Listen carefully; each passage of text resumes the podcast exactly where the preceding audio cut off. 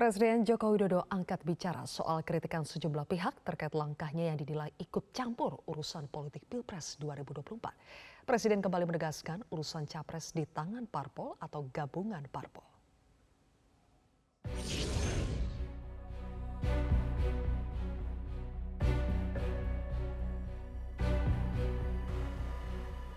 Cawe-cawe. Diskusi aja kok cawe-cawe. diskusi. Saya tadi kan sampaikan, saya ini juga pejabat politik. Tapi bukan cawe-cawe, urusan capres, cawapres itu urusannya partai atau gabungan partai. Sudah saya bolak-balik saya sampaikan kan. Tapi kalau mereka mengundang saya, saya mengundang mereka boleh-boleh saja. Apa konstitusi yang dilanggar dari situ? Tidak. Tolonglah mengerti bahwa ini kita ini juga politisi, tapi juga pejabat publik. Seperti itulah bantahan Presiden Joko Widodo menanggapi banyaknya kritikan soal dirinya yang dinilai cawe-cawe mengurusi Pilpres 2024. Presiden berkilah, pertemuan dengan para ketua umum parpol di istana itu hanya diskusi. Jokowi merasa tak ada konstitusi yang dilanggar dengan apa yang dilakukannya itu. Meski menapik dirinya dianggap cawe-cawe, namun faktanya Presiden menerima laporan Partai Persatuan Pembangunan soal dukungan pencapresan Ganjar Pranowo. Bahkan, PLT Ketua Umum P3 Muhammad Mardiono mengaku dalam pertemuan itu turut dibahas soal cawapres dengan Jokowi. P3 ini sebagai partai koalisi dengan pemerintah. Ya di mana ya tentu kami harus e, menyampaikan arah ya politik Partai Persatuan Bangunan itu e, kepada bagian dari leader ya atau pimpinan koalisi itu tentu yaitu Bapak e, Presiden Joko Widodo. Tidak menjadi pembahasan, tetapi kemudian keinginan P3 itu kita sampaikan tentu iya. Ya, karena di mana kita sebagai partai koalisi Tak hanya itu, pemantapan wacana koalisi besar yang dilakukan Partai Golkar dan PKB dikonfirmasi Erlangga Hartarto sebagai tindak lanjut arahan Presiden Jokowi usai pertemuan para ketua umum parpol di istana sebelumnya. Bertemu Bapak Presiden dan enam partai yang lain dan uh, terkait dengan visi pembangunan ke depan diingatkan oleh Bapak Presiden bahwa 13 tahun ke depan ini adalah masa persimpangan jalan antara Indonesia menjadi negara maju atau berada dalam jebakan negara berpendapatan menengah. Nah, oleh karena itu hari ini direspons dengan pertemuan Partai Kebangkitan Bangsa dan Partai Golkar bahwa kita siap untuk menjadi inti Analis komunikasi politik kedai kopi Henry Satrio mengingatkan agar istana berlaku netral dalam Pilpres 2024 cawe-cawe atau ikut campur mengurusi politik pilpres dinilai bisa berdampak negatif pada demokrasi.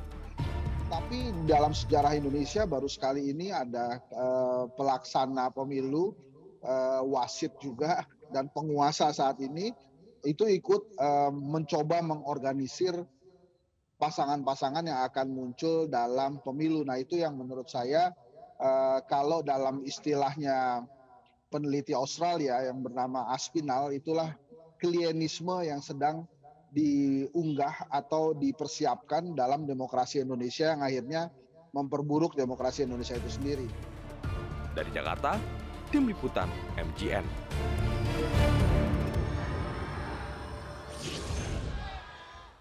Pemirsa Wakil Presiden ke-10 dan ke-12 RI Yusuf Kala percaya Presiden Jokowi tidak akan cawe-cawe atau ikut campur dalam kontestasi Pilpres 2024. Apalagi Presiden di era sebelum Jokowi tidak pernah menggunakan kekuasaannya untuk mendukung calon tertentu. Pertemuan itu untuk kemajuan negara, pembangunan negara itu penting seperti katakan asal jangan uh, pertemuan itu merusak sistem demokrasi kita dalam hal pemilu. Saya ambil contoh bagaimana Ibu Mega pada 2024 walaupun kita bersaing tapi tidak mempergunakan sistem pemerintahan untuk uh, kemenangan beliau itu sangat uh, bagus sekali.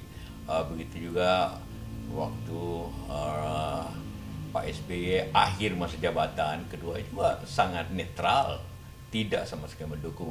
Walaupun di tahun 2009 banyak keluhan-keluhan juga SP tapi pada 2014 waktu saya dengan Pak Jokowi uh, mencalonkan diri Pak SBY sebagai presiden yang uh, akan mengakhiri masa jabatannya itu tidak mencampuri urusan uh, keberpihakan dalam politik.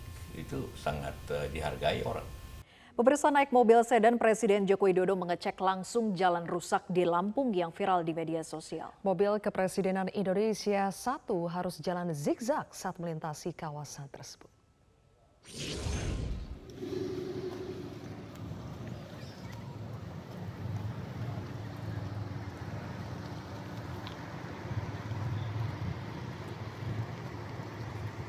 Dekat mobil sedan Presiden Jokowi melewati jalanan yang rusak Berdasarkan video yang diterima dari fotografer Presiden Jokowi, Agus Suparto ini, mobil Presiden melaju dengan kecepatan rendah melewati jalanan rusak di Jalan Terusan Ria Kudu, Marga Agung Jati Agung, Kabupaten Lampung Selatan.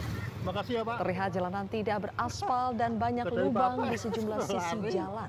Bahkan beberapa lubang tergenang air sehingga mobil harus berjalan zigzag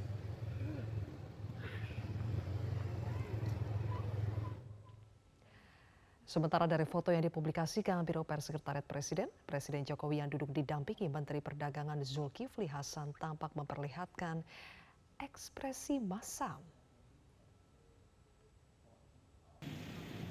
Mobil Presiden kemudian sempat nyangkut di gundukan jalan rusak. Presiden Jokowi bahkan sempat membuka pintu mobilnya untuk melihat langsung gundukan jalan rusak. Sejumlah warga pun sempat berteriak minta maaf kepada presiden karena harus melintasi jalan yang rusak parah.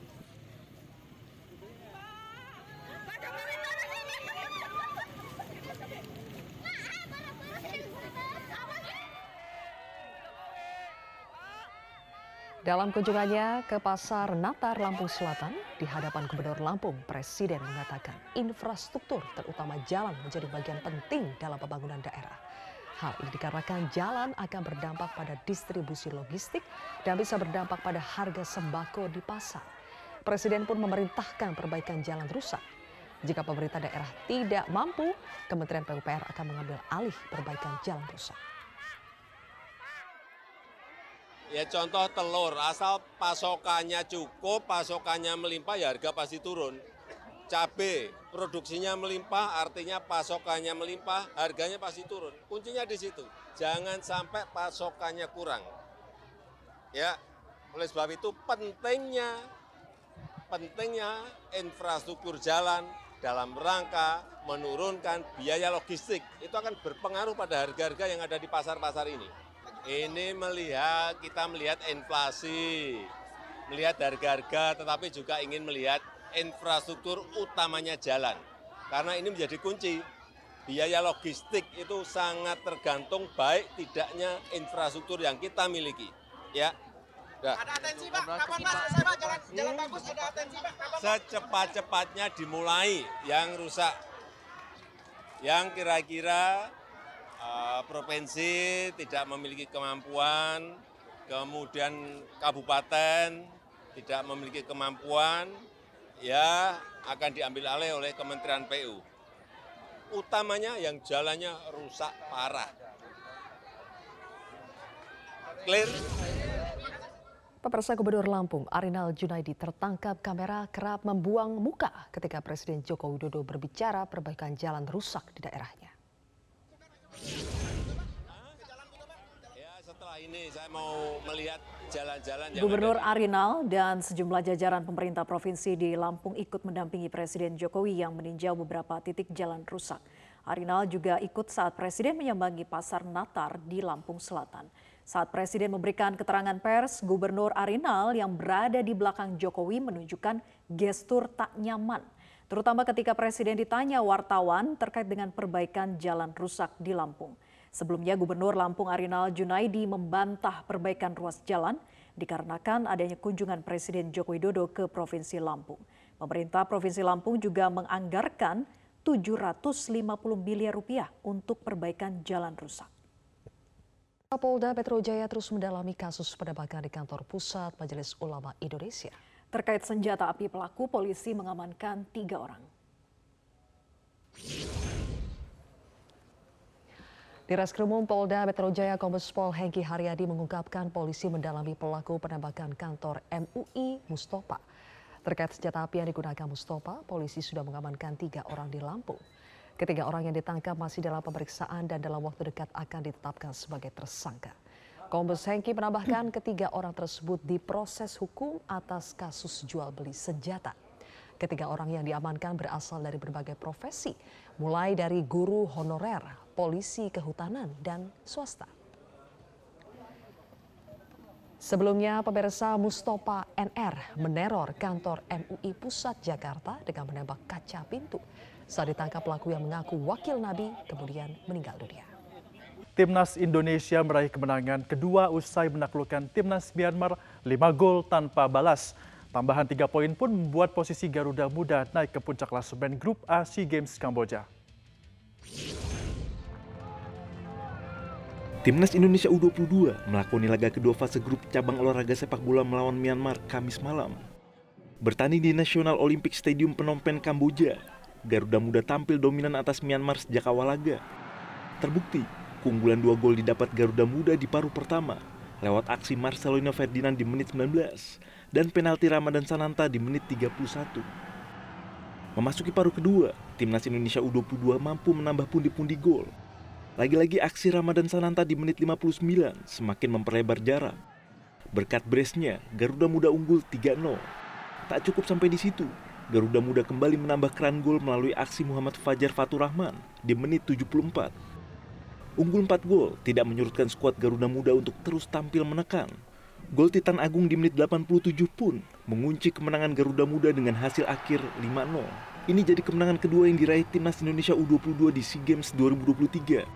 Sebelumnya Marcelino Ferdinand dan kolega mengalahkan Filipina di laga perdana grup A dengan skor 3-0. Hasil ini membuat Indonesia kokoh di grup A dengan 6 poin hasil dua kemenangan. Menggeser tuan rumah Kamboja dengan koleksi 4 poin. Selanjutnya Indonesia bakal melawan Timor Leste pada hari Minggu.